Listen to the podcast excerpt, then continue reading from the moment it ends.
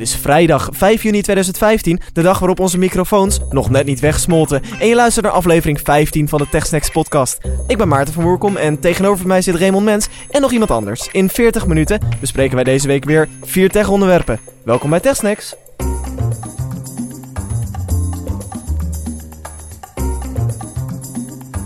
Raymond, eh, nu zitten we een keer weer eens eh, echt tegenover elkaar.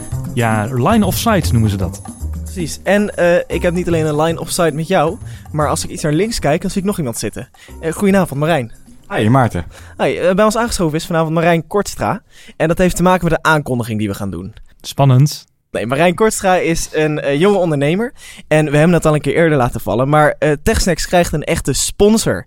En uh, Marijn, jij hebt een bedrijf. En misschien, ja, geen reclame pitch of zo. Maar misschien kun je heel kort vertellen wat je doet. Tuurlijk. Um, nou, ik ben inderdaad heel vroeg begonnen met ondernemen op mijn vijftiende. Toen ben ik begonnen met, een, met NoDots. Dat is een bedrijf in webdesign en webhosting. En wij richten ons op, op websites die heel erg gericht zijn op conversies. Dus heel erg gericht zijn op verkopen. En webhosting die heel erg gericht is op snelheid.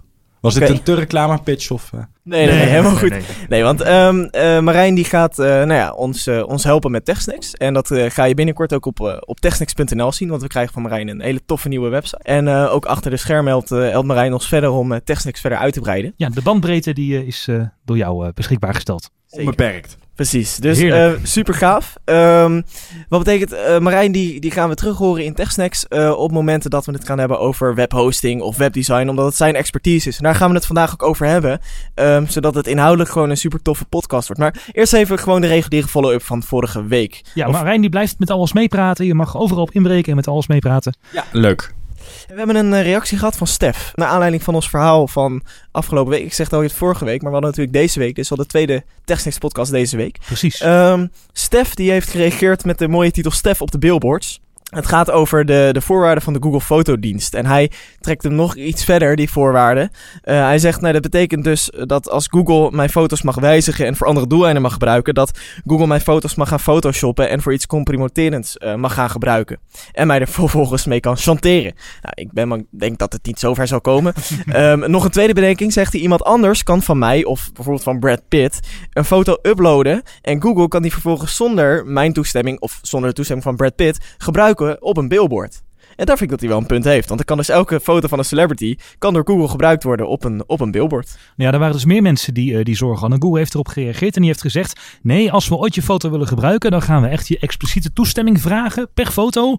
om hem te mogen gebruiken in uitingen. Dat zeggen ze nu, hè? Het kan dat altijd wijzigen. Maar in de voorwaarden staat eigenlijk dat ze het gewoon al mogen doen. Ja, klopt. Ze uh, je foto wordt, uh, mag in principe voor Google op al hun diensten... en ook voor toekomstige dingen gebruikt worden. Waarom zouden ze het dan wel in een algemene voorwaarden zetten als ze toch expliciete toestemming gaan vragen? Omdat je er maar beter juridisch kan afdekken, denk ik. Ja, en omdat mensen nu een beetje ongerust zijn natuurlijk. Even downplayen noemen ze dat. Ja. Nou, laten we direct doorgaan naar de eerste techsnack uh, na deze follow-up, want meer hebben we niet te bespreken.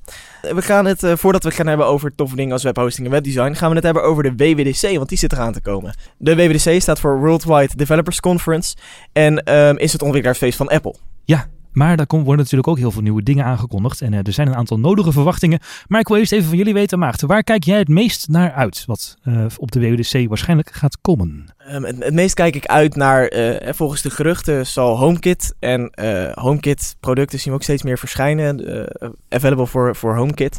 Dus de domotica tak van Apple die op gang gaat komen. En daarmee de nieuwe Apple TV die daar naar geruchten um, de hub van gaat worden. Daar, daar kijk ik erg naar uit. Marijn, waar kijk jij het meest naar uit? Misschien een beetje erg saai, maar toch wel heel erg naar iOS 9. Want dat is, voor zover ik begrijp, wordt dat ook heel veel stabiliteits... Ja, fixes. bugfixes, stabiliteit. Ja. En als ik ergens een hekel aan heb, dan is het wel dat ik op dit moment... Ik gebruik, uh, ik gebruik uh, SwiftKey, een, een toetsenbord van een derde partij. Ja, ik ook. Ik ook. Ja, en dat werkte echt gewoon... Het, met contacten was eerst echt een ramp. Dat werkte voor geen meter. Nu is dat opgelost. Maar het is nog steeds zo instabiel als het maar zijn kan. Ja, je toetsenbord komt vaak niet omhoog. Of dan ja, crasht het. Of dan, nou ja, het lijkt me heel lekker als dat werkt. Ik, ik, dus ja, een beetje saai, een klein ding, maar dat... Uh... Ja, oké. Okay. Nou, um, de Apple TV werd al even door Maarten genoemd als onderdeel van HomeKit. Die schreeuwt natuurlijk om vernieuwing. Uh, want de huidige heeft een A5-processor en ook nog een single core, ongeveer een halve iPhone 4S. Dus de helft ja. van de kracht van een iPhone 4S. Terug, ja. Een hele vervelende afstandsbediening naar mijn mening. Zo'n klein dingetje wat je vaak kwijtraakte, waar je weinig mee kan. Maar er staat een nieuwe in de planning. Maar die gaan we tijdens WWDC zeker niet zien. Echt niet? Nee. Oh. Ehm, Apple doet namelijk soms wel eens een beetje aan eh, verwachtingspatronen beheersen. En dan lekken ze altijd bepaalde informatie naar bepaalde media. En eh, er was vandaag weer zo'n gevaltje, of uh, gisteren was er zo'n gevaltje, waarin de New York Times ineens meldde dat er geen nieuwe Apple TV tijdens WWDC komt. Dat ze daar twee bronnen voor hebben. Nou, en de New York Mm, Times is echt ja. zo'n krant. Als Apple iets, de verwachting iets wil temperen, dan gaan ze naar de New York Times om, om daar eh, iets naar uit te lekken. Eh, die nieuwe Apple TV is nog steeds wel in de pijplijn. Wordt een mooi ding. Een A8-processor, een A8X-processor die ook in de nieuwe iPad zit. Superkrachtig, kun je mooie 3D-games mee maken. Een nieuwe afstandsbediening met touch controls, 8 gigabyte interne geheugen. Waar heb je dat voor nodig dan? Nou, voor apps. Maar hij komt dus nog niet. Want naar verluid wil Apple ook een, eh, een soort eh, tv-streamingdienst erbij aanbieden. Een klein bundeltje met televisiezenders. En daarvoor zijn ze afhankelijk van eh, derde partijen zoals kabelproviders, andere contentproviders. En dat is nog allemaal niet rond. Dus de Apple TV komt waarschijnlijk wel, maar niet tijdens WWDC. Oké, maar de Apple TV komt dus niet. Dan gaan we misschien wel iets van een service alvast zien als TV-kit bijvoorbeeld. Want als je nu eh, die TV-kit gaat lanceren, eh, net als dat we HealthKit hebben en HomeKit, Mhm. en eh, dat zou ook wel nauw samen gaan hangen met HomeKit, ehm, dan kunnen ontwikkelaars daarmee aan de slag vanaf de WWDC. En ehm, dan kunnen ze in het najaar bijvoorbeeld, als een mooie One More Thing, eh, de nieuwe Apple TV gaan aankondigen. En dan zouden die TV-kit-apps nu met de huidige Apple TV, dat eh zwakke samenwerken. ding, gaan samenwerken. Ik zie het niet gebeuren eerlijk gezegd. Ik denk dat die huidige Apple TV daar echt... Ja, het is een halve iPhone 4S. Hij moet op een groot scherm moet die dingen projecteren. Ik denk dat ze daar gewoon meteen alles in één doen. Is er gespeculeerd over wanneer die wel komt?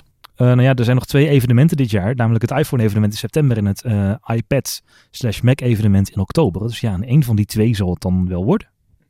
Afhankelijk natuurlijk van hoe de, hoe de kabelproviders hun, eh, hun humeur is. Eh, wat wel komt gelukkig is de nieuwe muziekdienst van Apple. Spotify opgepast, want Apple heeft niet voor niet Beats gekocht. Niet alleen voor de koptelefoons. nee, het ging ook eh, voor de eh muziekstreaming Beats, Beats Music. En wat Apple naar verluidt van plannen is tijdens WWDC te onthullen is een combinatie tussen Beats Music en iTunes met de geweldige naam Apple Music. Nou, je verwacht het niet, hè? Je verwacht het niet. Eh, Apple Music wordt een soort van Spotify-concurrent, maar niet helemaal. Het krijgt namelijk twee onderdelen. Eén is gratis, één is betaald. Eh, de gratis versie wordt een soort van radiozender, eh, iTunes Radio, waar je niet kunt kiezen welk liedje je afspeelt, wel gewoon naar een bepaald themakanaal kan Ik luisteren. snap niet dat ze dat nog gaan doorduwen. Want volgens mij is iTunes Radio echt een van de meest geflopte. Maar dit, dit is toch een beetje wat Spotify eerst ook had, gratis op je mobiel of zo? Of, Ja, precies. dat je Dan alleen shuffelen kan je shuffle op je bepaalde mobiel. thema's Ja. inderdaad. Ja, en dan Ja. wil Apple waarschijnlijk bepaalde kanalen aanbieden. Doen ze nu al in de VS. Bijvoorbeeld een country kanaal, een dance kanaal, een popkanaal, een populair kanaal, een eh, klassiek kanaal. En dat zou dan wereldwijd gaan. Dat is de gratis versie. Maar je kunt ook de betaalde versie nemen. Dan kun je net als Spotify eh, gewoon onbeperkt de hele database van iTunes lekker streamen. Wat je wil, playlists maken, et cetera. Maar eh, wat maakt Beats dan uniek? Nou, Beats was altijd heel goed in de curatie door mensen. Dus eh, een algoritme bepaalt niet alleen wat de liedjes worden, maar ook een mens die stelt playlists samen en die luistert van past dit liedje eigenlijk wel naar dit liedje. En dat maakt de flow van die dienst ehm, heel goed. En daar wil Apple waarschijnlijk op voortbouwen. Ze hebben daar ook al flink wat mensen voor aangenomen. Onder andere wat producers van de BBC eh, zijn weggekocht. En eh, de DJ's David Guetta en Pharrell Williams, die gaan waarschijnlijk een eigen iTunes Radio kanaal krijgen. Nou, dan wil je misschien wel iTunes Radio nemen als die. eh, Nou, dat is ook een van de grote kritiekpunten op Spotify. Is dat als jij een Spotify playlist luistert van iets, dat die nummers soms heel raar achter elkaar staan. Omdat iemand heeft bedacht, oh dat vind ik ook een tof nummer, dat wil ik ook in mijn playlist. Ik zet hem erachter. En dan krijg je een of ander eh hardrock nummer na een heel rustig singer-songwriter liedje. Wat eigenlijk echt super relaxed is als je gewoon een chille Spotify playlist aan het luisteren bent. Ja, klopt. En het is onduidelijk of in dan Apple Music eh, echt gebruikers ook playlists te kunnen maken. Of dat je alleen de keuze hebt om eh playlists Gecureerde. van eh, gecureerde experts. Die er oren voor hebben en die zorgen dat alles perfect in elkaar doorloopt en doorfloot. Ik zeg, als ik zelf een playlist maak, dan vind ik het ook altijd moeilijk om, om liedjes mooi aan te laten sluiten. Ja. Nou ja, en Apple is wel van het, hè, dat doen we voor jou. Je hoeft er zelf er niet over na te denken, maar we doen het gewoon voor jou en we zorgen dat het goed zit. Komt ook een klein sociaal netwerkje. Hey, dat hadden ze ooit met Ping. Maar dat gaat, eh, dat gaat nu anders worden. Eh, een klein sociaal netwerkje waar alleen artiesten updates op kunnen plaatsen. Dus David Guetta kan zijn nieuwe single daar eh, posten en dat soort dingen. Maar niet door de gebruikers zelf die dingen kunnen delen. Er is nog wel één probleempje. De labels, onderhandelingen met labels zijn nog niet rond. Maar Apple zou wel van plan zijn om die dienst echt tijdens WWDC te onthullen. En eh, de labels zien hun kans schoon en zetten Apple nu flink onder druk om meer te betalen dan ze normaal eigenlijk willen. De labels denken, ha, het moet snel rond. Mooi Apple, jullie gaan 60% Onderhandelingspositie. ja, Ja. heel slecht. Dus de labels die zeggen nu dat Apple 60% van hun inkomsten, dus als je een tientje per maand betaalt, gaat 6 euro naar de labels. En bij Spotify is het 55%. Dan denk je misschien, ah joh, hè, die 5%. Maar als je het over miljoenen abonnees hebt, gaat het ineens best wel doortikken. Voor de duidelijkheid, het zijn niet de artiesten, maar de labels. Dus van die 60% zal er dan uiteindelijk nog 1 zesde, 1 tiende naar de Vloeien artiest naar de gaan. artiesten. Dan, Marijn noemde het al even, iOS 9, maar natuurlijk ook het besturingssysteem voor de Mac, Mac OS X 10.11. Een paar nieuwe zaken die voorbij erop gaan. Ze krijgen waarschijnlijk een nieuw lettertype, bye bye eh, Helvetica Neue. Dat wordt namelijk het Raar, want dat is vorig jaar pas ingevoerd, Helvetica Nooie. Ja, heel raar. Ja. Maar ehm, naar verluid willen ze het Apple Watch Fonds San Francisco gaan introduceren. Want dit is natuurlijk de, de iOS 9 en de OS 10.11. Ja. MacOS 10.11 is wel waar we het meeste over gaan horen tijdens de WWDC. Ja, dat worden waarschijnlijk de hoogtepunten en de rest eh, zit er als soort dingetjes omheen. Jailbreakers die gaan pech hebben, want er komt heel veel betere beveiliging in. Dat noemt Apple Rootless, waarmee ze nog dieper eh, de Mac gaan afschermen. Dus het besturingssysteem, daar kun je niet meer bij de onderliggende laag, de kernel geheten, kun je er niet meer bij komen. Was wel wie wie nodig ook. jailbreakt er nou tegenwoordig nog? Marijn, heb jij wel jailbreak jij je Ik iPhone? deed het, vroeger deed ik het heel veel, maar tegenwoordig niet meer. Geen aanleiding Nee. meer voor, toch? Nou, mocht je luisteren en zeggen, oh, ik jailbreak altijd mijn iPhone, want ik heb echt de perfecte reden om te jailbreken. En als ik dat in iOS 9 niet meer heb, dan ga ik naar Android. Dan ben ik wel benieuwd. Het enige wat ik wel fijn zou vinden aan een jailbreak is Flux. Dat je, dat je scherm Ja. zo... eh, dat, dat is het enige wat ik mis aan een, een niet gejailbreakte... Ja, Flux is een appje wat we ook wel eens besproken hebben in, eh in TechSnacks. Is ook voor de Mac en volgens mij ook voor Windows. Wat zorgt dat je scherm naarmate dat het avond wordt op een bepaald schema, ehm, dat de scherm zeg maar een soort van wat geligere kleur krijgt, waardoor het veel rustiger is aan je ogen. Eh, nou, stabiliteit en kwaliteit, heel belangrijk. Want de laatste versies van iOS, hè, Marijn noemde toetsenbord al, maar ook op de Mac is er heel veel gedonder geweest met wifi en vastlopers en dat soort dingen. Moet echt beter en dat gaat waarschijnlijk ook eh, gebeuren. En de iPhone 4S kan ook nog een tijdje mee, want naar verluid gaat iOS 9 en OS X 10.11 op alle hardware eh, werken die nu ook iOS 8 of OS X 10.10 kunnen draaien. Ehm, de beveiliging van wifi als laatste wordt zowel in iOS 9 als OS X 10.11 opgeschroefd. Apple experimenteert met een soort trusted wifi. Als je bijvoorbeeld in een koffietentje zit, wordt de beveiliging van wifi automatisch opgehoogd. Zodat niet anderen eh, mee kunnen kijken of jouw pakketjes kunnen afsnoepen. Hoe dat precies gaat werken is mij nog een beetje onduidelijk, maar het wordt wel heel vaak genoemd. Kun jij je daar wat? Je, hebt natuurlijk, je zit een beetje in die internetwereld. Kun jij je daar Wat niet wij 1, 2, 3 bedenken? bedenken hoe ze dat zouden doen. Dat is, lijkt me technisch bijzonder moeilijk, eerlijk gezegd. Ja, mij ook. Maar ja, we zien wel wat, eh, wat Apple eh, eh, uit de hoge hoed gaat toveren. Dan kijken we nog even naar iOS specifiek. Nieuwe functie voor iMessage wordt een beetje WhatsApp eh, inhouden. Gelezen berichten per contact in- en uitschakelen. Dat je kunt zien wanneer mensen iets gelezen hebben. Dus blauwe vinkjes per contact, zal ik maar zeggen. Ook in groepsgesprekken wordt het mogelijk. Spotlight en Siri worden proactief. Moet je een beetje denken aan Google Now. Ze hebben wat in te halen. Als je daar wat meer over wil horen, dan Ja. kun je het beste de aflevering 14 even terugluisteren. Daar hebben we het in een, eh in een techsnack hebben we het daar over het nieuwe Google Now, wat dus inderdaad proactief en vanuit de context eh, jou gaat assisteren. Dus die zit telkens een stap voor. Eh, dat gaat Apple naar verluid ook invoeren. Wel moeilijk. Want hoe gaan ze dat doen met al die data die ze niet hebben? Want Apple volgt je als gebruiker eigenlijk helemaal niet. Hm, Dat is wel een interessante vraag. Ehm, al kunnen ze natuurlijk wel in je telefoon. Ja, dat is wel zo. En eh, uiteindelijk kun je, eh, ze kunnen, de, de mail-app op de iPhone is volgens mij een van de meest gebruikte mailclients op de iPhone. Ja, en de kalender en de De agenda. kalender en de de agenda. Bedoel, dat ja, Apple heeft een heleboel native apps die ze meeleveren. Ehm, en dat is natuurlijk ook een beetje de filosofie achter die iPhone. Van, eh, hoi, wij zijn Apple, hier heb je een telefoon en wij bedenken wat chill voor je is. En ga het vooral niet zelf aanpassen en gebruik vooral onze apps, want dat vinden we chill.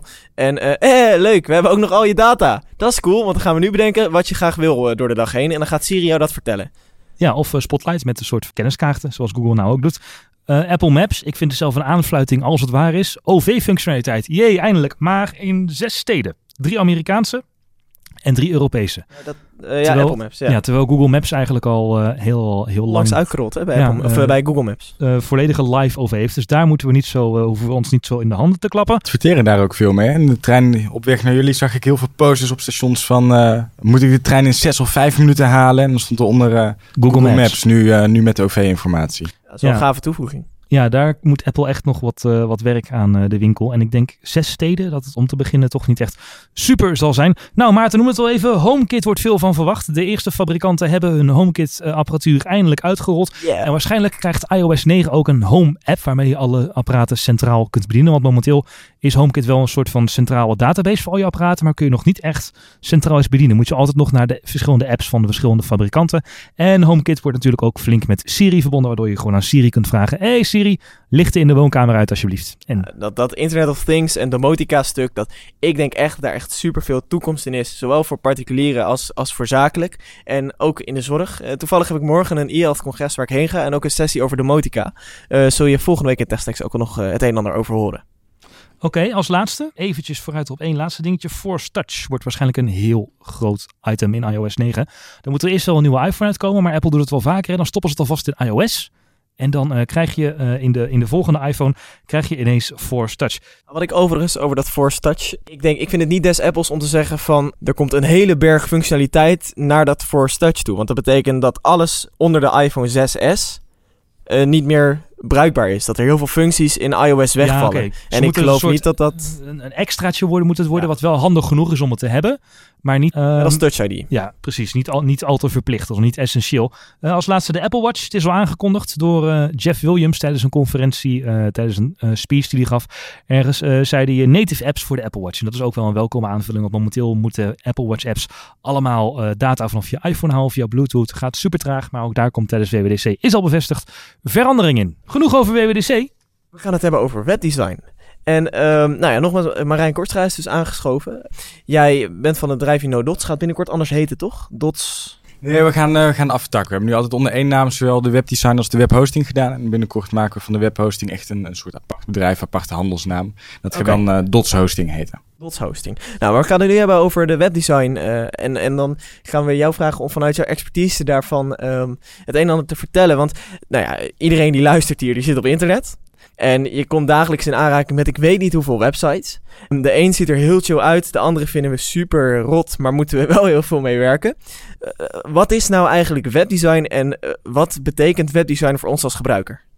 Webdesign, ehm, in het heel kort uitgelegd, is het, het, van A tot Z ontwerpen en het programmeren van een website. Dus van, van de, een, de wireframes, hoe, wat gaat op welke plek staan en hoe gaat, eh, hoe gaat alles functioneren. Tot het ontwerpen, hoe gaat het eruit zien, hoe gaan we het, eh, hoe gaan we het indelen. Tot het programmeren, hoe gaat het werken en hoe kan het... eh, hoe kan de website beheerd worden voor, voor in dit geval onze klant of de, het bedrijf achter de website of degene die, die de website gebruikt. En dat, is, dat is in een notendop wat webdesign eigenlijk is. Dus het is eigenlijk meer dan alleen het, het blauwe knopje aan de linkerkant en het rode knopje aan de rechterkant. Ja, bij goed webdesign wel in elk geval. Dan is er goed over nagedacht en is... eh, ja. Want wa- wat maakt, wat ik bijvoorbeeld een hele fijne eh, website heb, eh, vind, is nos.nl.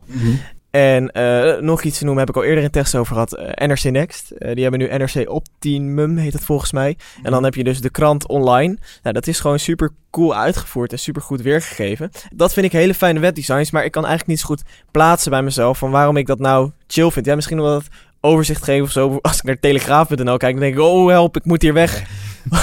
Dus Want- een, NOS en Telegraaf is inderdaad wel een heel groot, eh, groot verschil. Heb jij een website waarvan je zegt, nou dat is perfect eh, webdesign en eh, daar, en daardoor? Nou, om even, om even in die NOS te blijven, wat jij vroeg van waar, waar zit dat hem precies in? Ik denk vooral eh, wat je zelf ook kan noemen, het overzicht. Als je kijkt naar de Telegraaf, alles vrij kleine lettertypen, alles heel dicht op elkaar gekegeld, alles, alles haakt in elkaar, heel veel ehm, advertenties er ook tussendoor. In tegenstelling tot de NOS heeft de Telegraaf heeft dat natuurlijk ook wel een stuk meer nodig.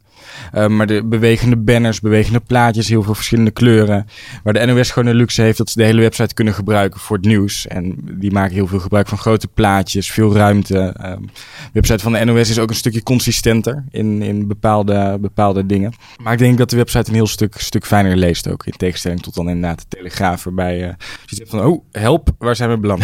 Ja, mijn, mijn eerste website die maakte ik eh, volgens mij in Frontpage van Microsoft. Daarna werd het Dreamweaver en tegenwoordig hebben we eigenlijk allemaal WordPress en Tumblr. Maar daar moet je vooral met templates werken. Zijn templates nou het nieuwe dingetje of is er ook nog wel vraag naar echt iets, iets helemaal van de grond af gemaakt? Want ja, eigenlijk kan iedereen tegenwoordig zeggen van ah, ik wil een Tumblrtje. Ik zie het bij, eh, bij startende bedrijven. ZZP'ers zie ik het heel veel gebeuren. Die hebben een laag budget en die zeggen dan van, nou, website, ja, we kunnen, kunnen eigenlijk niet meer zonder. Een website is wel heel erg belangrijk.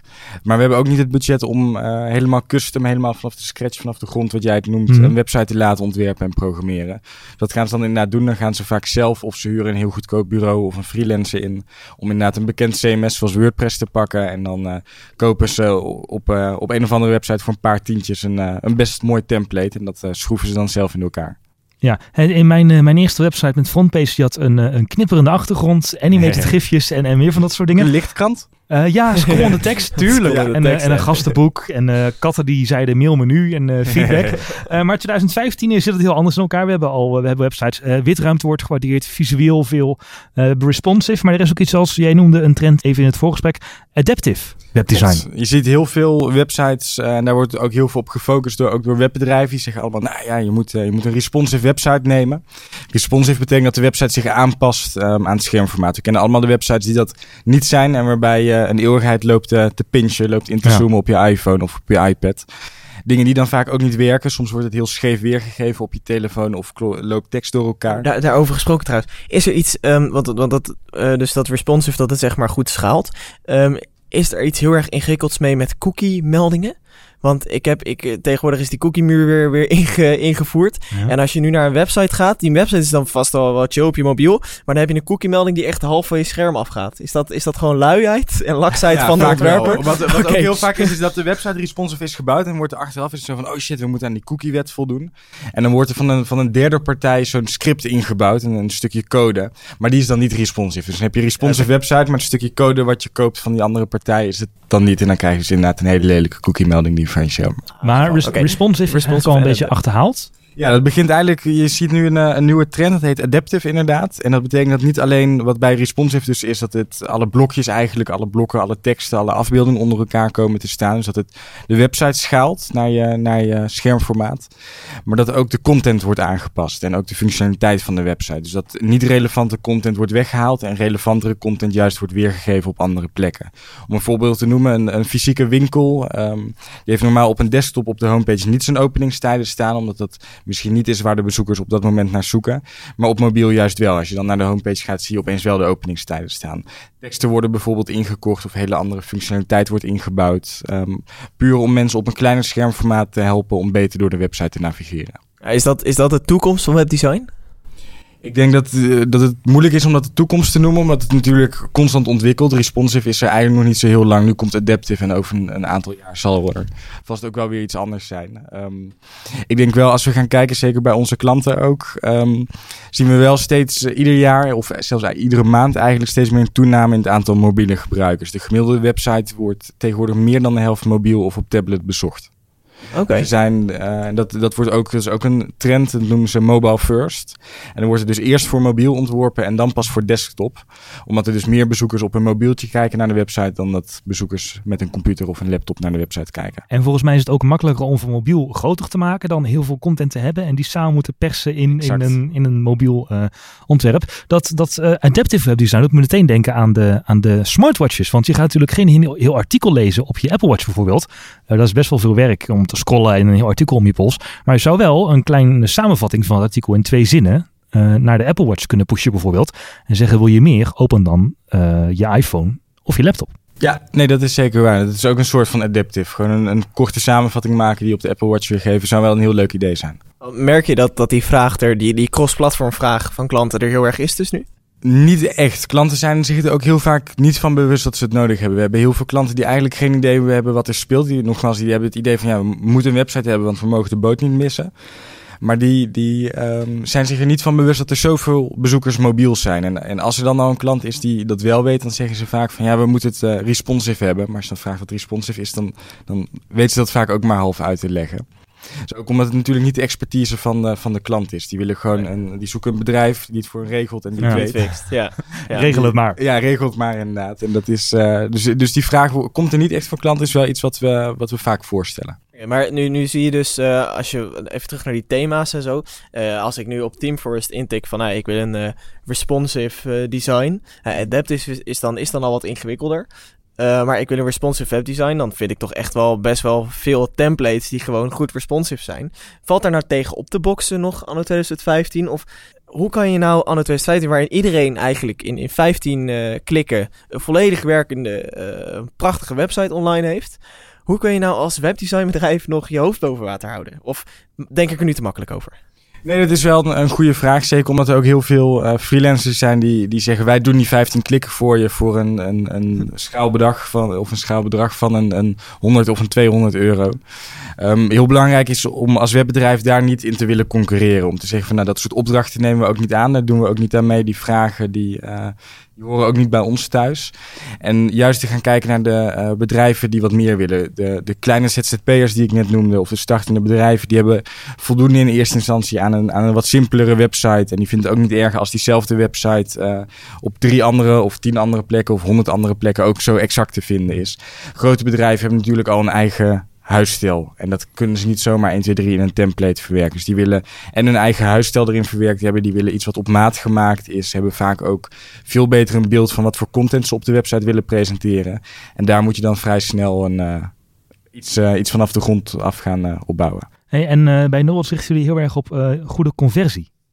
en dat, dat is iets waar mensen volgens jou ook, als ze zelf een template in elkaar draaien, als ze zelf een Tumblr blogje maken, echt, iets, echt veel rekeningen moeten houden. Conversie. Ja, conversie is heel belangrijk, want dat is natuurlijk ook waar je een, uh, een website uiteindelijk voor bouwt om of als je een webshop bouwt meer producten te verkopen of als je een, uh, een bedrijf bent om meer leads binnen te halen, om meer klanten binnen te halen via Winkelstraten lopen leeg, dus ze moeten wat. Uh... Ja, je moet, moet zeker wat. En ook de, ja, dat is gewoon, dat is heel belangrijk. En daarbij is conversie is iets wat heel vaak vergeten wordt. Er wordt een website gebouwd en wat jij net ook al noemde, nou die blauwe knop gaat links of die groene knop gaat daar, deze tekst gaat daar. Maar het is heel, heel erg belangrijk wat waar gepositioneerd staat. Um, om de bezoeker eigenlijk te verleiden um, om, uh, om te gaan kopen. Als je dan de ideale website zou moeten omschrijven, hoe zou je dat dan doen? Wat is, wat is voor jou de ideale website? Dat is heel erg, heel erg maatwerk, maar het is heel belangrijk dat je de bezoeker geeft wat hij nodig heeft. Ge uh, laat, laat, ik hem, laat ik hem anders stellen. Je bent bezig voor Dots Hosting om een nieuwe website te bouwen. Ja. Ik neem aan dat je daar je, je hele eigen visie en je ideeën over webdesign natuurlijk inbouwt. Um, waar let je nou op bij het, bij het bouwen van die website? Um, waar je heel erg goed op let zijn de call to actions. Wat heel belangrijk is, is om... Call to actions? Een call to action is een, uh, een duidelijke knop voor een bezoeker om door te klikken. Dus je moet okay. de bezoeker heel duidelijk maken waar moet ik op de website heen? Hoe navigeer ik door de website? Dus een een menubalk is niet voldoende, maar je moet echt duidelijke knoppen aanbieden van nou, klik hierop om meer over dit te lezen. Uh, Usability-achtig iets? Usability-achtig inderdaad. Okay. En kleur lijkt me ook belangrijk. Kleur is ook belangrijk. Contrast inderdaad. Um, sommige websites zijn heel slecht leesbaar of knoppen die uh, dezelfde kleur hebben als de huisstijl. Het is heel belangrijk om, uh, om voldoende contrast te hebben in die kleuren. Oké. Okay. En de call to action zijn eigenlijk het, het belangrijkste. Dus die moet, je gewoon, die moet je gewoon lekker geel maken. En, uh... ja, je als, je, als je de bezoekers als, als aapjes zou zien. Ik, ik gebruik het, het voorbeeld uit een, uit een boek wat ik, uh, wat ik uh, heb gelezen. Dat is Schrijven voor Internet van Aartjan van Erkel uit mijn hoofd. Okay. Oh. Het is een, of Verleiden op internet heet het. Okay. Het is een, een, hele, hele goede schrijver die ook heel veel schrijft over conversie. Hij zegt ook, nou, als je iedere bezoeker als een aapje voorstelt, dan moet je ze op iedere pagina een banaantje voeren. dat, ze, dat, ze, weten waar ze heen ja, moeten. Ja, ja. En als je dat niet doet, raken ze verdwaald en dan verlaten ze uiteindelijk je website. En dat gaat ten koste van, uh, oh, cool. misschien een potentieel. Oh, we zullen, we zullen het boek ook even in de show notes opnemen. hey, maar een, een website, um, zo'n webdesign is super cool. Maar je hebt nog iets nodig. Webhosting. Webhosting. Heb ik altijd, dan ging ik uh, googlen en dan zeg ik, oh, ik moet goedkope webhosting hebben. Voordat ik uh, jou kende, dan uh, nu bel ik Marijn en zeg ik, Marijn, ik heb webhosting nodig. En dan zeg jij, oh, fix ik. En, maar toen ging ik googlen en dan zeg ik, oh, dat is 15 euro en dan heb ik webhosting en dan moet ik voor 7 euro een domein. Nou, dan ben ik voor 25 euro klaar. Maar dan heb ik natuurlijk niet goede webhosting. Want nee, dat um, een, voor niks gaat de zon op. Een trend die je noemt inderdaad. Steeds goedkopere webhostingen zien ze vanaf 25 eurocent per maand. Dus, uh, 25 euro 25 eurocent per maand. Ja, en dan krijg je, krijg je behoorlijk wat hosting voor. Uh, qua wat, wat is dat hosting nou precies? Want ik, heb het, ik ken het de term, maar ja, ja is, ik weet ook dat er ergens een schijf staat met mijn spullen erop. Ja, je website leeft ergens op internet, maar ja. hoe die omgeving er dan, dan uitziet, ja, je, je stuurt het ergens naartoe, naar een soort van cloud. Maar ja, wat is dat dan? Wat, wat, wat zit er nou achter dat ding waar mijn website, waar ik mijn website naartoe stuur? Nou, op het moment dat je naar een website gaat, dan, dan maak je net verbinding met een server. Die, zijn in, uh, die staat ergens in een datacenter, vaak in Nederland, als het een Nederlandse website is natuurlijk. En er staan uh, een soort van, soort van supercomputers die altijd aanstaan. Waarop inderdaad, zoals Maarten zegt, op een schijfje een website staat. En iedere keer dat je naar die website toe gaat, uh, roep je eigenlijk die bestanden op en worden die naar de bezoeker verstuurd. Oké, en als ik zo'n datacenter binnenloop, dus ik sta nu voor de deur van een datacenter. Ik klop aan en ik zeg, laat me even binnen, want ik wil kijken wat er, wat er hier binnen is. Wat zie ik dan?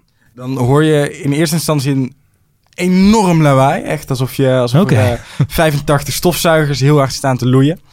Um, en dan zie je daar heel veel, uh, heel veel rekken staan, helemaal volgebouwd met, uh, wij noemen het pizzadozen. Dat zijn hele, hele dunne computers. Hele dunne, langwerpige computers, allemaal boven elkaar oh, okay. Je krijgt vrij honger van dit verhaal, hè? Banaatjes, pizzadozen. En, en die staan, uh, staan helemaal volgestapeld met hele grote ventilatoren erboven voor de koeling. Het is daar ook, ook warm, vaak.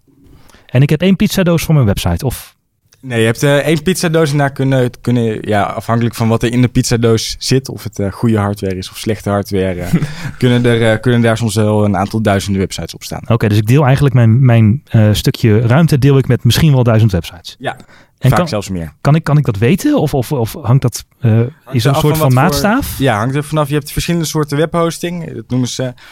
De meest voorkomende webhosting is shared webhosting. Dus inderdaad gedeelde webhosting. Of deel je één pizzaschijf met, met inderdaad duizend anderen. Mhm.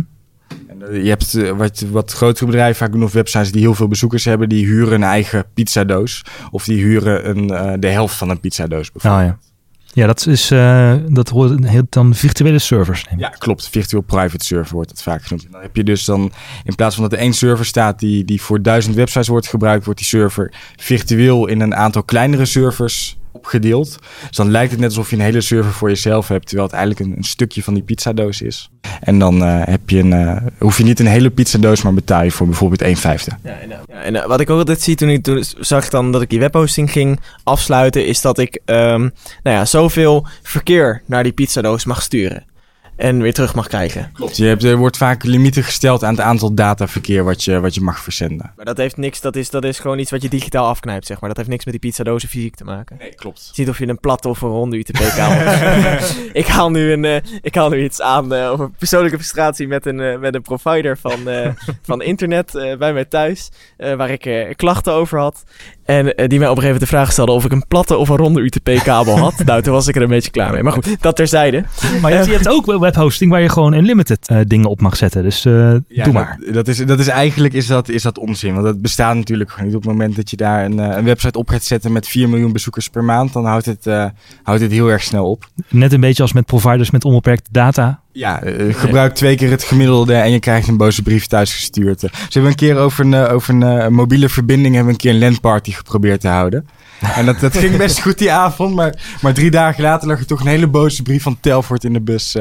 dat ze niet zo blij waren met het aantal datagebruik. En dat we ons toch moesten houden aan drie keer de, de fair use policy. Dus dat is eh, Ja, ja. gemiddelde verbruik. En als ik nou een, een, goede, een goede plek voor mijn website wil en ik wil goede webhosting, wat zijn dan een paar dingen waar ik op moet letten? Ehm, nou, het is heel belangrijk om niet voor de goedkoopste te gaan. Ik, ik zou natuurlijk altijd adviseren om naar ons te gaan. Maar dat mag niet spreken. Wij van WC Eend. Ja, precies. Ja. Nee, nee ehm, heel veel mensen denken van, nou, en dat, dat snap ik ook wel, het is natuurlijk een, een product eh, waar mensen eh, weinig kennis over hebben. Ook weinig kennis over willen hebben. Het is natuurlijk ook niet iets waar je echt heel veel interesse in hebt. Je wil je website live, je wil je e-mail ontvangen. Eh, daar gaat het vooral om. Ehm, voor wat betreft de prijs, ehm, op het moment dat je dus gaat, gaat ja, bezuinigen op de prijs, betekent dat ook dat een provider veel meer mensen op één pizzadoos moet gaan zetten. Veel meer websites op één pizzadoos, anders is het voor hun niet rendabel. Bij de goedkoopste webhosting, waar je 25 cent of 50 cent per maand betaalt, gewoon een achterlijk laag bedrag is, zijn dus met duizenden en duizenden mensen op één server eh, met je website. En dat is slecht, omdat... Dat is heel slecht, omdat je dan, ehm, als er bij één website iets misgaat, ehm, gaat het bij alle andere websites ook mis. Die gebruikt, die heeft iets meer bezoekers die dag. Dus de capaciteit van die server op, valt de server uit en dan moet alles herstart worden. Ligt je eigen website eruit. Kost weer, eh, kost weer geld. En dat eh, op die manier eh, is, is goedkoop echt duurkoop. Want op het moment dat je website eruit uit ligt eh, en je mist daardoor klanten, is dat natuurlijk wel heel jammer. Ja, en dat maakt dus ook, eh, behalve dan de kosten voor die server, moet die provider ook eh, supportmedewerkers hebben en, en eh, een kantoor huren. Dus ja, of je dat allemaal van een en- euro per maand kan doen. En ook dat gaat heel erg achteruit. Vaak zie je bij de goedkope webhostings zie je heel erg dat, het, dat de support ook achteruit gaat. Dan kun je bijvoorbeeld alleen maar e-mailen, mag je niet bellen. Of je krijgt alleen maar standaard e-mailtjes terug die niet echt specifiek zijn op jouw vraag. Maar er enigszins bij in de buurt komen. Ehm, Dus jouw advies is eh, wel op prijs, maar koop niet de goedkoopste. Ja, precies. Dus goedkoop is duurkoop. Oké, Goedkoop is heel erg duurkoop. En, En- op het moment dat je iets meer bereid bent te betalen, krijg je er ook een heel stuk meer voor terug. dus dan is je, je website veel sneller en zo. Ja. Oké. Ik heb ehm, dus zo'n zo'n zo'n pizzadoos is eigenlijk een soort van computertje. Ja. Met een harde schijf, waar dan al die data op staat. En wat servertechniek en een, een processortje. En, en dan kan ik me voorstellen dat die servertechniek en zo heel erg veranderd is in de, in de loop der jaren. Maar een harde schijf is nog steeds een harde schijf, met een schijfje wat ronddraait. Nou, hebben we tegenwoordig laptops hebben altijd, eh, of altijd, de, de, de laptops die nu uitkomen hebben veelal een SSD. Dus een, een solid state drive waarbij, het dus veel, eh, waarbij je je programma's veel sneller hebt. Dus het gewoon veel sneller is allemaal. Kun je dan ook een SSD server hebben, ehm, een SSD webhosting, waarbij mijn website dus ook veel sneller laat? Ja, zeker weten. Dat is ook eh, waar wij technics.nl op gaan draaien. Oh, oké. En dat zijn, eh, dat zijn inderdaad SSD-schijven in een server. Dat is, eh, we zijn een van de weinigen die dat doen. En daardoor wordt de website gemiddeld ook eh, twee tot drie keer sneller. Dat is een hele belangrijke factor. Omdat de harde schijf was heel vaak de bottleneck. Daar, dat was het allertraagst. Omdat het een van de weinige onderdelen nog in de computer is met bewegende, bewegende onderdelen. En dat maakt het, eh, maakt het vaak een stuk trager. Met dat SSD gaat het, eh, gaat het heel, heel veel rapper. Dat dus- merken wij zelf ook op onze Macs natuurlijk. Ja, ja, dus, ja precies. Ja, en als, dus als je wil weten hoe dat SSD webhosting dan is, dan moet je binnenkort even de nieuwe website van TechSnacks eh, checken, techsnacks.nl. Ja, momenteel het trouwens nog bij Tumblr. Ja, nu zijn we nog bij Tumblr. We Waarschijnlijk zijn, met eh, eh, een miljoen miljard sites. ja, Ja, de SSD SSD-hosting ter, ter, ter beeldvorming kunnen vaak hele zware websites zelfs onder de seconde laden. en dat is, ook voor bedrijven natuurlijk wel heel belangrijk. Omdat bij een trage website haken we immers allemaal af. Oké, nou cool verhaal over webdesign en webhosting. Daar kun je wel een, eh, goede website op bouwen. Ehm, Op goede hosting kun je een goede website bouwen. Ja. Ik vind hem mooi. mooi hè? Marijn, heb je nog een slogan nodig? Of, eh? Ja, nee, dat klinkt, eh, klinkt goed. Goede hosting, goede website bouwen. Ehm, ik eh, kijk even naar de tijd. En ehm, nou ja, dat wil zeggen, ik kijk even naar de tijd met een eh, merknaam ervoor, namelijk de Pebble Time. Dat is een mooi bruggetje, hè? Zo. Zo. Maar, maar, maar, maar er is iets niet zo moois van Pebble aan de hand. Nee. Want Pebbles bezitters en liefhebbers met een iPhone die de nieuwe Pebble smartwatch, die op Kickstarter echt een enorme hit was, hebben gekocht, die kunnen er helemaal niks mee. Hoe dat dan? Nou, er is eh, gedoe tussen Apple en Pebble. Ehm, ja, je verwacht het niet. Apple heeft een eigen smartwatch en Pebble heeft een eigen smartwatch. En eh, om de Pebble Time met je iPhone te laten werken is de Pebble app nodig. En eh, Apple doet een beetje flauw, vindt Pebble. Want de Pebble app, Vind De- ik ook wel hoor. de, de, de update voor de Pebble app die de Pebble Time moet laten werken, die staat namelijk al 44 dagen in de review bij de App Store. En Apple wil hem maar niet normaal. Want hoe snel gaat een app normaal ongeveer door die... eh, Nou ja, ehm, ik weet de, de updates die ik heb meegemaakt, de nieuwe apps die ik heb meegemaakt, die zijn meestal binnen één week à twee weken uiterlijk. Ja, natuurlijk wel. Zijn ze erdoor, niet anderhalve maand. Apple is een beetje aan het pesten. Nou ja, eh, Apple treft niet alleen blaam. Pebble die doet ook wel een, een, een- die heeft ook wel een dingetje van ik zeg, nou Pebble had je dat misschien niet kunnen doen. Wat Pebble heeft gedaan is, ze hebben de, hun gewone Pebble app, die hebben ze een update gegeven. En die staat dus al 44 dagen in de wacht. Dus een update om met de Pebble Time te laten werken. Maar daarnaast hebben ze ook een nieuwe Pebble Time app uitgebracht. Dus een app die eh, alle functies van de Pebble Time kan aansturen. Waar je helemaal mee kunt configureren. En niet alleen de basisdingen. En die app die was goedgekeurd. Versie 1.0. Die was op eh, 18 mei uit mijn hoofd goedgekeurd. En op 19 mei hebben ze bij Pebble gedacht. Nou, we trekken hem toch maar terug. Doen nog een paar bugfixes. En dan dienen we versie 1.0.1 in. En die is nu ook niet goedgekeurd. Of nog niet, maar dat is nog maar een eh, weekje. Pebble heeft een zogenaamde eh, versnelde review bij Apple aangevraagd. Maar die hebben ze niet toegekend gekregen. Dus ja, eh, de, twee, dat- de, dat apps die, de handig. twee apps die d- er eigenlijk toe doen voor de Pebble Time bezitter... die zijn alle twee nog steeds in afwachting. Dat is, dat is dus niet handig van Pebble. Maar wat Apple doet is natuurlijk een beetje kinderachtig. En het doet me ook denken aan een discussie die we eerder hebben gevoerd in eh TechSnacks, een paar afleveringen terug. Ehm, toen hadden we het over Samsung die allemaal en Google die in Android een aantal apps verplicht. Ja. En wat eh, Apple natuurlijk doet, is eh, Pebble, die wel een concurrent is van Apple, natuurlijk met de Apple Watch en de Pebble Time, ehm, is hiermee gewoon een product van de concurrent onklaarmaken. Dus als jij een Apple-gebruiker bent en je hebt die apps niet, omdat Apple zegt van ja, eh, eh, dacht het niet. Jammer joh, ze staan niet in de App Store. Eh, verkoop die Pebble Time maar op, op eBay. En koop maar een en Apple koop maar Watch. een Apple Watch. Ja, want ik vrees ervoor. Ik heb hem, ik heb hem gebackt op Kickstarter. Jij bent maar- een Pebblaar? Ja, ik ben, ja, voor het eerst nu. Ik heb de, vorige Pebble had ik niet. Deze heb ik, heb ik gebackt. En hij komt als het goed is in een week of twee weken binnen. Maar ik kan dus, als kan het zo dus doorgaat... dan.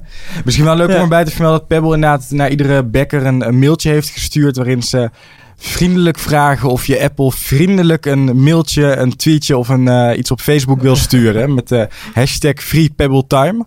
Ja. Om, eh, om te zorgen dat Apple eh, luistert naar zijn gebruikers. Dus het is echt wel het is, een beetje... Het, het is niet de eerste keer dat Apple onder publieke druk iets terug zou trekken. Je had een tijdje geleden van die widgets in het notificatiecentrum met iOS 8. En die mochten toen ook een heleboel dingen, mochten ze niet meer. En toen werden die apps die eh, te ver gingen met een widget, werden ook uit de App Store geknikkerd. Totdat blogs erover gingen schrijven, grote Apple blogs. En ineens werd er bij Apple aan de top iemand wakker die zei, ho ho ho ho jongens, wacht eens even.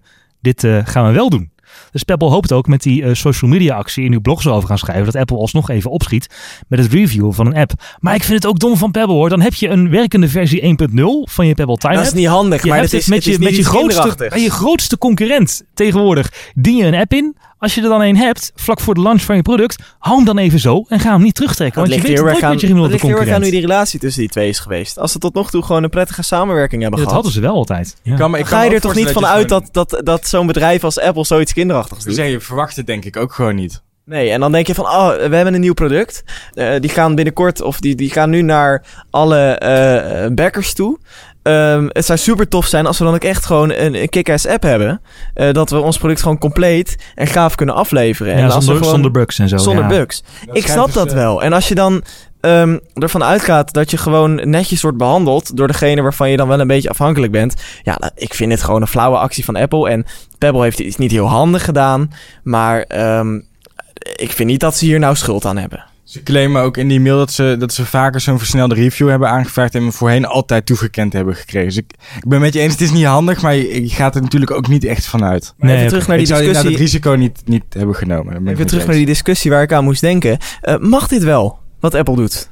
Mag Ja, Apple is- wel een app weren van de grootste concurrent? Het is hun ecosysteem en hun eh, platform. En ze hebben geen monopolie. Dus ja, volgens mij kunnen ze eigenlijk doen en laten wat ze willen. Zou het, zou het kunnen dat Apple die app gewoon helemaal niet goedkeurt? Of echt pas over maanden? Zouden, zouden ze bezwijken onder deze social media druk? Nou ja, ik weet niet hoe lang eh, ze een app in review kunnen houden. Maar volgens mij... Onbeperkt in principe niet. Ja. Je kunnen natuurlijk afwijzen en zeggen... ja, je moet toch nog die, die ene eh comma die er staat... ja, dat, dat is eh, toch wel iets wat we niet mooi vinden... en wat niet binnen de, binnen de guidelines past van het design. Dus eh, ja, dat moet je toch even aanpassen. Zo kunnen ze natuurlijk blijven heen en weer... Ja, En dan gaat hij weer 40 dagen, dus die pesterijen kunnen door blijven gaan. ja, ik ben benieuwd hoe het afloopt met Pebble. We gaan alweer richting het einde van eh, deze extra lange TechSnacks aflevering met Marijn Kortstra, die bij ons is eh, aangeschoven. Eh, Marijn, je hebt ook een app meegenomen. Klopt, dat is eh, Alto's Adventure. Die staat al echt een eh, behoorlijke tijd in de App Store. Maar ik speel hem eh, nog steeds Het is een met... game. het is een game inderdaad. Ik speel hem met heel veel plezier. Ehm, het idee is als volgt. Dat je, je bent een, een snowboarder en je moet van bergen af. En ondertussen moet je de ontsnapte lama's op een kont slaan en terugsturen naar de boerderij. Lama's op een kont slaan, dat klinkt als fun. Ja, dat is echt, echt heel leuk. Dus dat is wel een... ja, ik vind het heel leuk. Het is een heel simpel spelletje. ehm, maar het is, ja, tijdsverdrijf. Hey, we zijn aan het opnemen. Deze, en we hebben net een heel blokje gepraat over eh, de Pebble. Ja. En eh, Marijn die krijgt net een eh, mailtje binnen als backer. Hey. Waarin staat: Thank you, Pebblers. Pebble Time Watch for iPhone is live. Dus we hebben net een hele discussie gevoerd over iets wat eh, nu is opgelost. Maar dat maakt het vraagstuk niet interessant, of niet, niet minder interessant. Want waar het eigenlijk om draait, is dat Apple dus een, een pesterij doet, vervelend doet en ehm, gewoon echt wel vertraging oplevert bij het uitleveren van een fysiek product. Maar dit is, dit is de geüpdate Pebble app of echt de nieuwe Pebble Time app? Nee, dit is echt, een, eh, echt een, eh, de nieuwe Pebble Time app. Dus daar hebben ze keurig binnen de twee weken hebben ze dat dan weer wel gedaan. En die andere app dat ettigt waarschijnlijk nog even vocht. Waarschijnlijk. Nou, eind goed, bijna al goed. We hadden het over Alto's Adventure, toffe game voor iOS. eh, zowel voor iPhone als iPad. En hij kost maar 1,99 en dan kun je onbeperkt lama's op een kont slaan. Geen in-app aankopen? Nee, volgens mij niet. Kijk, dat is altijd fijn. Wa waren er niet in elk geval. Oké, Eh Maarten, je hebt een eh, bijzondere ontdekking gedaan. Nou, Ik roep het namelijk al jaren tegen hem. En Maarten zijn app van deze week is Tweetbot. Echt? Ja, we staan al een tijdje inderdaad. En ik was altijd wel... ik zou tegen van, ja, Tweetbot moet ik eh, 5 euro betalen. En voor de Mac-versie 20 euro. Eh, kom op, waarom? En nou ja, eh, ik denk, ik had het er laatst weer eens over. En toen ben ik toch maar overstag gegaan en heb ik hem op mijn iPhone gezet. Want ik ben echt groot gebruiker van Twitter. Ik vind het, ja, stiekem toch wel een hele chille app. Dus daarom wilde ik daar even op terugkomen in de Testnex podcast. Dat, dat Tweetbot voor de iPhone gewoon echt wel een hele chille app is. En wat voor mij het, het chillste is, je betaalt er dan wel 5 euro voor, maar dan heb je gewoon geen gesponsorde tweets meer. En geen, eh eh hoe heet het? Uitgelicht. eh, uitgelichte advertenties. En dat stoorde me de laatste tijd. En met mij eh, driekwart van Twitter en Facebook. Dat er een aantal acties actief waren van spammers. Die websites van de NOS hadden nagebouwd. En eh, dat je iPhones voor een euro. En te pas en te Ja, onpas dook ja. dat op in mijn timeline. Daar werd ik helemaal gek van. Dus toen was ik wel heel blij met Tweetbot. En nu, gisteren heeft Tweetbot een nieuwe versie voor Mac uitgebracht. Die is eh, nu 12 euro, normaal 20 euro. En wie weet ga ik die ook nog checken. Dus Tweet- Tweetbot Tweetbot is echt ook qua design en qua user interface. Ik vind zelfs de geluidjes heel mooi van Tweetbot. Ik ben ook, ik ben ook groot fan. Als je groot gebruiker bent van Twitter en je gebruikt nog geen Tweetbot op je iPhone of op je Mac, sla jezelf en ga die app kopen. Echt. Of als je het dan toch niks vindt, want dat was ook mijn instelling, dan betaal je die 5 euro even en dan denk je, nou, het is toch eh, niks. Dan eh, kun je gewoon die app weer eh, terugbrengen, want dan krijg je 5 euro terug. Binnen twee weken in de App Store is het tegenwoordig. Mijn ehm, app van deze week is Mix Radio. Het is een app die is komen overwaaien van Windows Phone naar iOS. Die doet eigenlijk precies wat iTunes Radio moet gaan doen, maar momenteel een beetje in faalt. Namelijk goede radiozenders met voorgecureerde playlists aan je laten horen. Je kunt zelf een aantal artiesten kiezen die je leuk vindt. En daar maakt de app Mix Radio dan een mooie muziekmix voor jou die onbeperkt door kan lopen. Je kunt ook voorgemaakte playlists maken. Niet door David Guetta gemixt, niet door Pharrell Williams gemixt, maar wel gewoon goed, eh, goede playlists die aan elkaar zitten. Is gratis. Geen advertenties tussen de liedjes, maar wel eh, onder in de app een klein bannertje. Ach, als je aan het luisteren bent, is het toch niet heel erg. En wat ik zelf heel fijn vind, is dat je één zo'n mix en ook je eigen mix, dus je persoonlijke mix, kun je helemaal offline halen. Dus niet alleen de voorgemaakte playlists, maar ook eh, de slimme playlist die aan de hand van jouw persoonlijke muziekvoorkeuren gemaakt wordt, kun je gewoon offline halen en lekker in de metro luisteren of in de trein zonder data. Mix Radio, Mix Radio voor Windows Phone ook, voor Android en voor iOS, helemaal gratis. Nou, dit brengt ons aan het einde van deze extra lange uitzending, aflevering 15 van de TechSnacks podcast. Waarin wij onze sponsor aankondigden, eh, No Dots, eh, met Marijn Kortstra. Ik kwam erachter dat eh, toen wij begonnen aan deze aflevering, wij precies 650 minuten TechSnacks hadden gemaakt. Dus ehm, schakel je nu in, dan heb je nog 650 minuten precies om terug te luisteren, inclusief tussendoortjes. Ik wil graag bedanken onze sponsor, No Dots, eh, webdesign en webhosting uit Eindhoven. Je kunt ze vinden op www.nodots.nl. Ehm ben Sound voor de intro muziek. En natuurlijk kun je ons volgen op Twitter en je kunt ons liken op Facebook. Twitter moet je @techsnacksnl intikken en Facebook moet je facebook.com slash techsnacks of gewoon techsnacks in je zoekbalk intikken. Je kunt op ons abonneren in iTunes en daar kun je ook nog een recensie achterlaten. Dus hoeveel sterren vind jij de TechSnacks podcast? We zijn heel erg benieuwd en Vijf, vijf, vijf. ja, dat is een soort van, een soort van techniek om je dan die vijf sterren te laten geven. Maar eh, vind je het vier sterren of drie sterren en heb je daar ook nog een hele uitgesproken mening over, dan kun je dat allemaal kwijt erin en dan zijn we heel benieuwd om te lezen. Reageer op deze uitzending kan via reactie.techsnacks.nl of via techsnacks.nl slash submit. En dan wens ik je verder nog een fijne dag. Tot volgende week. Jullie ook eh, heel erg bedankt en ja, mij tot eh, De volgende keer. de volgende keer inderdaad. Yes. Marijn, dankjewel. Bedankt voor het luisteren, tot volgende week.